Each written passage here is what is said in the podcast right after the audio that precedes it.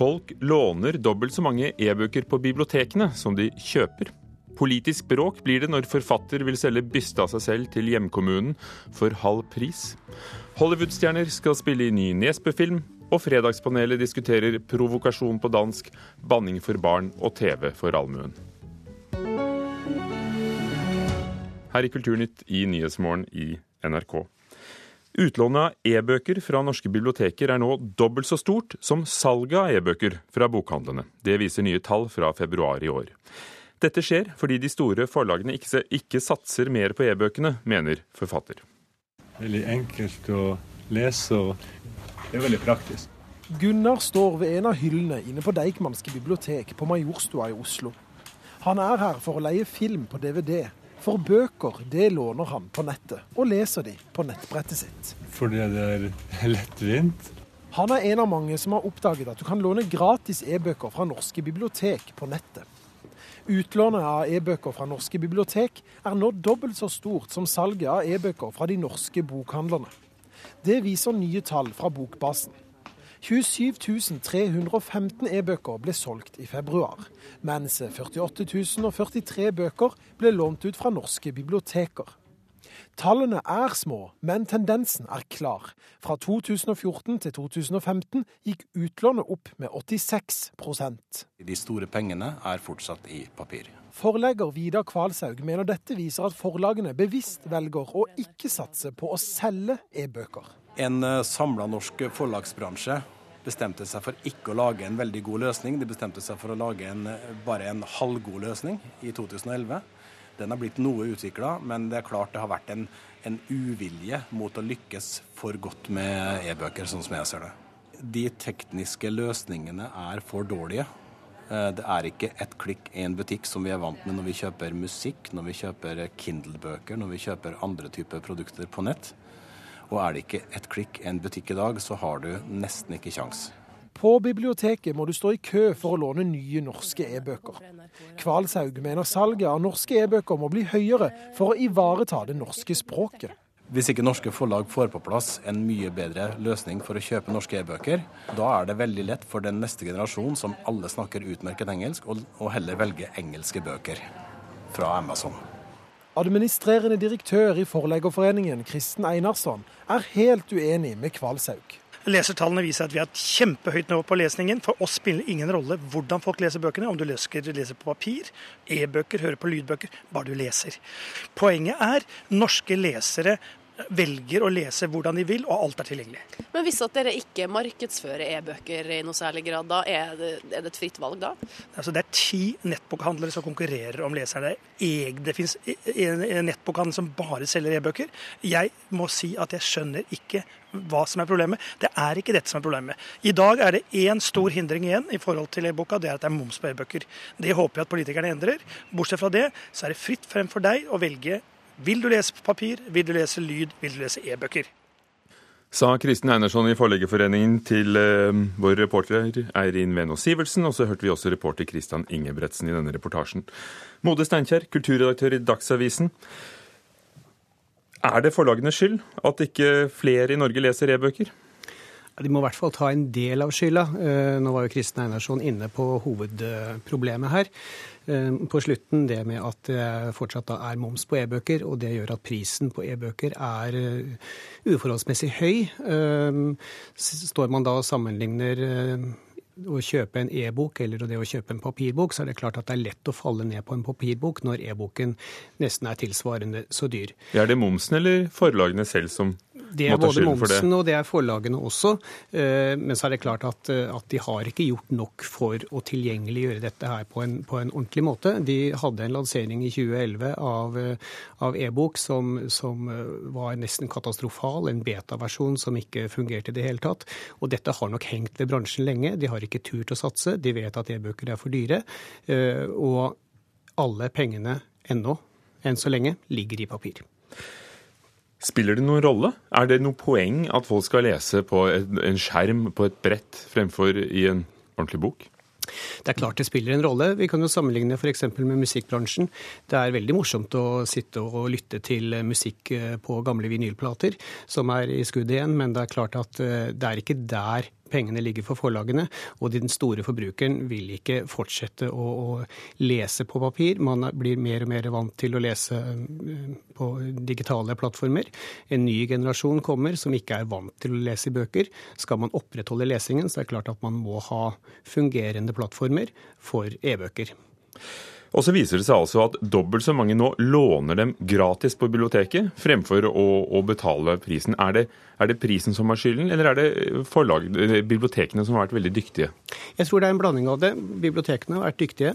Eh, samtidig så er det gratis på bibliotekene, og ikke minst det er tilgjengelig på bibliotekene. Jeg tror at veldig mange forbrukere som tenker at jeg har lyst til å lese en e-bok, de finner ikke fram i den jungelen som er der ute, hvis de skal gjøre det helt alene. Eh, enten de skal eh, gjøre det på nett, hvis de skal gå i en bokhandel. De vet ikke helt hvordan skal man egentlig kjøpe en e-bok, og hvilken plattform skal man bruke. Eh, hva skal man lese det på? Er det på pad? Er det på Kindle? Er det Ja. Da er bibliotekene veldig enkle å ty til. Ikke minst er det også gratis. Og de har utvalget. Men er du sikker på at det kommer en generasjon som ikke er vant til bøker? Viser ikke dette nettopp at, at mange på en eller annen måte av en eller annen grunn foretrekker bøker? I USA viser tall at nå flater e-boksalget ut. Folk holder på boken, kanskje også yngre folk? Ja, og så lenge prisene er noenlunde de samme, så tror jeg kanskje at man vil ty til boken. For det er et eller annet med å, altså papirboken, det å kunne holde fysisk en bok, det vil ikke slippe taket. Men jeg tror at den masselesingen som, som uh, generasjonene før de som vokser opp nå, er vant til, uh, den vil flate ut hvis man ikke da også tilgjengeliggjør La oss si den, den lette litteraturen, lærelitteraturen, alt det, på e-bokformat. Når tror du vi ser det et tastetrykk unna, akkurat som musikken er blitt? Nå har, eh, nå har, det blitt momsfritak på nyheter, på digitale nyheter. Jeg tror at når det blir momsfritak på e-bøker, eh, så vil vi komme mye nærmere en sånn løsning. Takk, Mode Steinkjer, redaktør i Kulturredaktør i Dagsavisen. For tre uker siden skrev VG at restauranten Skutebrygga i Drammen lot gjestene tro de fikk servert villsvin, men så var det bare vanlig gris. Og i dag må avisen beklage. Reporter Christian Ingebretsen, hva var feilen? Ja, Det avisa skrev var svin, men som skulle vært villsvinkjøtt, viser seg nå å være villsvinkjøtt likevel. Restauranten serverte altså hva de lovet. Eh, saken til VG bygger på en analyse av kjøttet som ble gjort av selskapet Eurofins. Eh, denne uka så oppdaga imidlertid selskapet at rapporten var feil. Eh, administrerende direktør i Eurofins sier at de er veldig lei seg for det som har skjedd skjedd, og at det gikk utover det som nå da viser seg å være en uskyldig restaurant i Drammen. Fra villsvin til arme riddere. For en times tid siden så lå det åtte lik rundt deg. Det er det jeg veit om deg. Sitter du her som mistenkt? Fra filmen 'Arme riddere', med bl.a. Henrik Mestad i hovedrollen, eh, en av hovedrollene. En film basert på en novelle av Jo Nesbø, og nå skal den lages på nytt. Hvor? I Hollywood, USA. Og nå har det amerikanske nettstedet Deadline Hollywood avslørt noen av skuespillerne. Blant dem så er store stjerner som Mila Kunis, eh, hun som bl.a. er kjent fra TV-serien That 70 Show, filmen Black Swan, og i det virkelige liv som kjæresten til Ashton Cutcher. Og så skal et av de mest omtalte skuespillernavnene de siste årene, Bryan Cranston, spille i filmen. Han er jo først og fremst kjent fra TV-serien Breaking Bad eh, og Malcolm i midten. men også også fra filmer som Godzilla og Trumbo. Filmen eh, som vil hete Jackpot i den internasjonale versjonen, har etter planen premiere i 2017, ifølge IMDb. Den burde jo hete French Toast, for det er oversettelsen av arme riddere når man ser på en meny. Men ja. det gjør den altså ikke. Nei. Kutt i mediebransjen, ifølge dagens, dagens Næringsliv. Sånn umiddelbart er det ikke lett å få øye på nyheten. Nei, det er Dagens Næringsliv som har laget en oversikt over hvor mye det har blitt kuttet og skal bli kuttet i den norske mediebransjen. Eh, det har blitt gjennomført kutt for over 1 milliard kroner de siste to årene. Eh, videre så skriver avisa at det planlegges kutt på ytterligere 1 milliard kroner de neste årene. Bare i år så kan så mange som 500 årsverk forsvinne fra eh, mediebransjen. Takk, Christian Ingebretsen.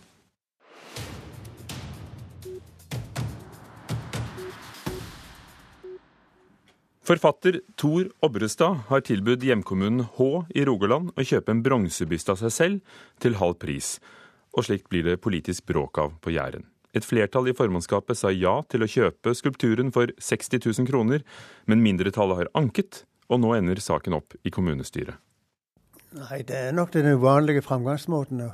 Den der gamle tanken i bygdesamfunnet skal ikke stikke seg fram skal ikke tro nær noen ting. På en måte syns jeg det er pinlig, på andre måter syns jeg det er litt latterlig. Sier dikter Tor Obrestad om den lokalpolitiske krangelen som har oppstått fordi 78-åringen gikk ut i lokalavisa og tilbød hjemkommunen Hå å kjøpe en bronsebyste av seg selv til halv pris, 60 000 kroner. Bare noen dager etter avisoppslaget ble saken lagt fram for formannskapet og vedtatt, men mindretallet anket til kommunestyret. Det er noe med Mangel på raushet, mangel på åpenhet, mangel på kunnskap, rett og slett. Nå står bysten i smiegarden på Undheim sammen med annen kunst Obrestad vil kvitte seg med. Egentlig så hører han hjemme blant folk, ikke blant meg i mitt private rom. Bronsebysten ble laget av billedhoggeren Marit Wiklund da Obrestad var 52 år. Den har fått et lite rødt klistremerke i panna som tegn på at salget er i boks. Ja, den er solgt. Det vil si at det skal vel bankes i uh, kommunestyret i plenum i 12. mai. For én Frp-politiker og to fra Høyre stemte mot kjøpet. Ådne Skrettingland fra Høyre var en av dem. Nei, Jeg reagerer på framgangsmåten i dette. For det at uh, det er Åbrestad sjøl som ønsker å heidre seg sjøl. Det er sånn jeg ser det. Og jeg syns det skal gå rette saksgangen her, der at uh, kommunen sjøl tar initiativ til å hedre kulturpersonligheter. For Hvis ikke så forstår ikke jeg hvordan vi skal håndtere det framover. Så syns jeg at noe av eh, vitsen forsvinner. For det at jeg er vanna ut eh, hedersteiner, men det gjør det på den måten. Da jeg var en hvithæd gutt i den høge morgen. Jærbuen Tor Obrestad har gitt ut både diktsamlinger, romaner, barnebøker og biografier. Til sammen 66 bøker siden han fikk Tarjei Vesaas debutantpris.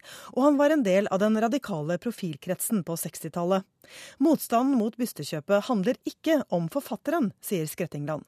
Det handler ikke om personen Tor Obrestad. For meg så handler det rett og slett om prinsippene i dette. For det er nok flere store kulturpersonligheter på Jæren. Så òg en kan fort se kan tenke seg at det står på en sokkel, og da spør jeg meg hvordan vi skal gjøre det i neste sving. Jeg sier at Hvis det er andre øh, forfattere av det formatet i kommunen, så skal vi finne plass til en buste av en sånn forfatter òg sier ordfører Jonas Skrettingland fra Kristelig Folkeparti. Han sier kulturetaten i Hå har kjent til bysten i lang tid, og at saken gikk rett til formannskapet fordi utvalget for opplæring og kultur ikke sitter på pengesekken. Det, har ikke vært helt A4 på den måten, men en kunstner er ikke nødvendigvis helt A4 heller, tenker jeg. Det var en anledning som kom og en anledning som kommunen tok. Og det hører absolutt hjemme med en sånn byste av en som er en forfatter som har vunnet nasjonale priser, og som har et nasjonalt navn. Og bronsebysten av Tor Obrestad havner trolig på biblioteket i Hå. Det går mot nederlag for Ådne Skrettingland i kommunestyret på torsdag, men han er ikke redd for å virke smålig når han stemmer imot. For, for meg så handler det om at vi, vi, må ta initiativ til hvem som skal hedres. Det må ikke kulturpersonligheter gjøre sjøl, for da, da syns jeg noe av vitsen er vekke. Det er jo en demokratisk rett for enhver borger til å si til hvem du vil. Jeg har et eller annet av meg sjøl, og det vil jeg gjerne at du skal kjøpe. Så det er mer enn i tråd med det at folk skal kunne tenke sjøl og ta initiativ, at jeg har gjort dette. Det sa forfatter Tor Obrestad til vår reporter Anette Johansen Espeland.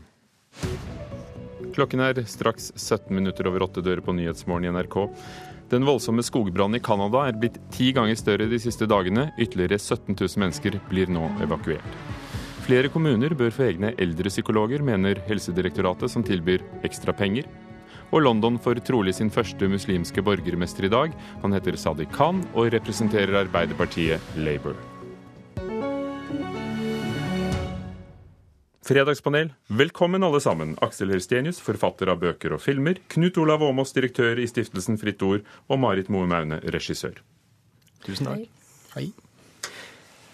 Vi skal begynne med å snakke om noe som eh, har vært oppe her i Kulturnytt denne uken allerede. Utstillingen Martyrmuseum, som bl.a. inneholder bilder av terroristene som sto bak angrepene i USA 11.9. i 2001, har skapt forargelse i Danmark, for dette skal være i København, lenge før den åpner. Danmarks kulturminister, den garvede konservative Bertel Haarder, er veldig eh, sint og negativ.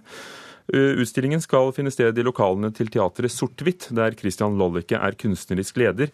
Det er han som ble kjent også her fordi han laget teater om Anders Behring Breivik. Skal vi la oss provosere over denne utstillingen Martyrmuseum, som tar med terrorister? Aksel? Ja. Marit? Ja. Knut Olav? Nei. Og hvorfor ikke? Nei, altså dette, dette er jo et, et, godt forsøk på å, på å forstå verdensbildet til terrorister innenfra.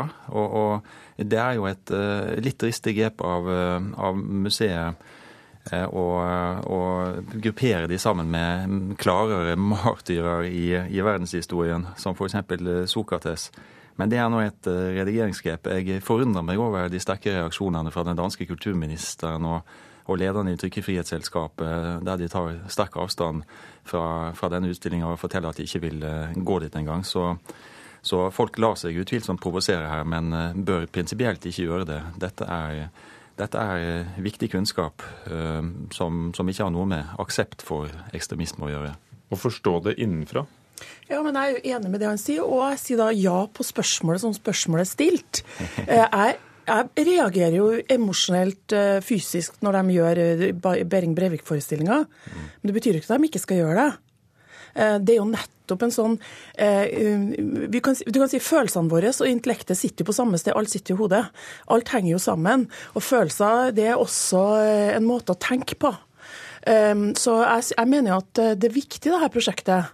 Det er også utrolig viktig for oss å huske. Vi skal ikke jeg kan, jo, jeg kan jo skape følelsen av å si at motstandsmenn i Norge også drept folk. Det er jo veldig provoserende å si. Men for andre så vil jo det være det synet på det. Jeg mener at en terrorist er en terrorist og gjør en stor forbrytelse. Men jeg mener at blir, vi må gå inn og se hvordan blikket er fra en annen side. Hvis ikke så har vi ikke sjans til å redde verden, og det er jo en av oppgavene vi har. Men i en kunstutstilling, å kalle dem martyrer, for det, det, det skjer jo når de jo, men det eh, handler, om språk, det handler om språk, og for mange så er det her martyrer. Vi må forstå hvordan det er, for hvis vi ikke forstår det, så får vi gjort noen ting med det som, det som skjer med verden. Jeg svarer jo ja fordi at jeg mener jo det er utrolig viktig at noen klarer å provosere oss. Jeg mener jo at det er kanskje noe av det som mangler i dagens samfunn at noen virkelig ønsker å provosere, og klarer å provosere. og det, Jeg kjenner jo ikke Lodek, jeg har aldri truffet han, og jeg har ikke sett den Behring Breivik-forestillingen, som jeg gjerne skulle sett. Men jeg mener jo at vi var i dette studiet her og snakket om den. Så han klarte jo det, han klarer det igjen. Jeg tenker litt sånn at hvor mange har sett Behring Breivik, og hvor mange lot seg provosere mens den gikk, og etterpå. Det er et eller annet med at samtiden er slik at du må snakke med litt store bokstaver for å få det til, og jeg er helt enig med de andre her. Det er en viktig tema? Ja, altså, jeg tenker, jeg tenker det at uh, En forestilling, en teaterforestilling som jeg jobber med sier, Jeg sier jo alltid til de folkene jeg jobber med, at den starter idet folk begynner å høre om den. Et, eh, ikke minst innenfor kunstfeltet nå, så er det sånn at når, når, beskrivelsen av verket er en del av verket, og det er jo klart det er de folkene her ekstremt bevisst på, de vet hva de gjør, det er ikke det du går inn døra på det museet at deres kunstverk starter.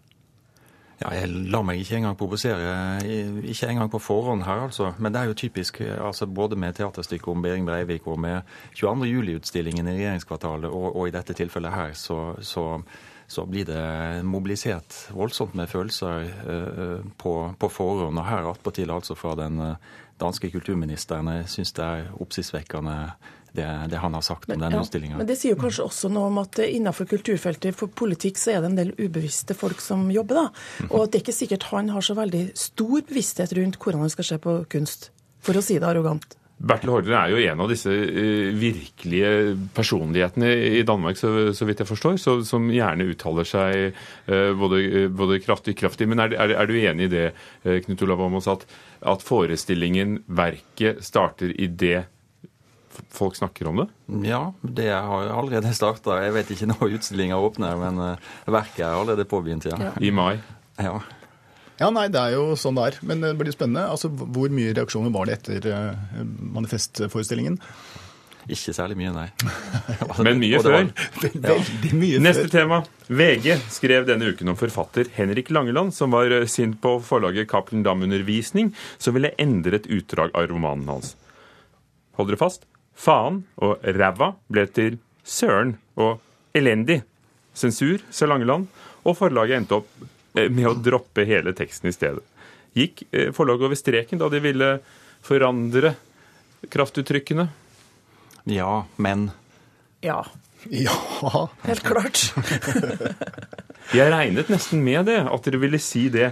Eh, men er ikke søren et godt alternativ? Dette skulle være en leseprøve for tiendeklassinger? Jo da, men da, da må forlaget heller finne noen andre tekster enn å, enn å forandre et åndsverk på, på den måten. Nå syns jeg nok saken har fått voldsomme dimensjoner. Man skulle tro det var en av de viktigste ytringsfrihetssakene i eh, vestlige verden for tida. Det er talløse sider i VG og andre steder, og oppmerksomhet her også.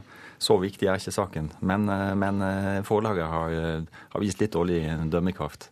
De beklaget ganske ja, altså, fort. Da, da, må man faktisk eh, sensurere Ibsen, f.eks., som bruker ordet fanden eller faen ganske så ofte. Vi kan jo si at Hvis de skal lese Ari Behn, så må boka et 'Trist som søren', eller Olaug Nielsen, så må den hete 'Få meg på for søren'. Altså, det går ikke an. Altså, det, jeg tenker det, at det er også grenser for hva er kraftuttrykk. Jeg tror det, det som jeg synes er interessant med debatten, det er at den er et uttrykk for en forsiktighetskultur. Og jeg har en gang instruert et barn på en TV-serie, en utrolig flott unge, men han reagerte, og veldig, reagerte veldig på at jeg brukte ordet dritbra. Som for meg ikke er et kraftuttrykk. Eh, det vil si, da, da, og da måtte jeg passe meg hele tida så jeg ikke sa at han er dritbra, for da var han lei seg. fordi han var vant til at det var et sterkt uttrykk. Så tenker jeg, hvor setter vi grenser for hvordan vi snakker, da? Eh, det, det... Er vi blitt mer forsiktige? Ja, det som undrer meg, da altså Jeg kan jo bare følge på Marits eh, serie av kreative. for jeg er jo da Cappelen Dam-forfatter også. Så vi har vært en eh, gjeng Cappelen Dam-forfattere som har kommet med mye kreativitet når det gjelder titlene på bøkene våre. Morten Skårdal og jeg skrev en bok som heter 'Fittekvote'. Den ville jo kommet veldig dårlig ut eh, her. Så Havner ikke i leseprøven for tiendeklassinger. Nei, så det er kvinnelig underlivskvote eller noe sånt vil den. Men det som synes jeg er interessant, er akkurat den boken ble jo da stemt frem av en hel gjeng niendeklasser til å bli da det årets beste ungdomsbok.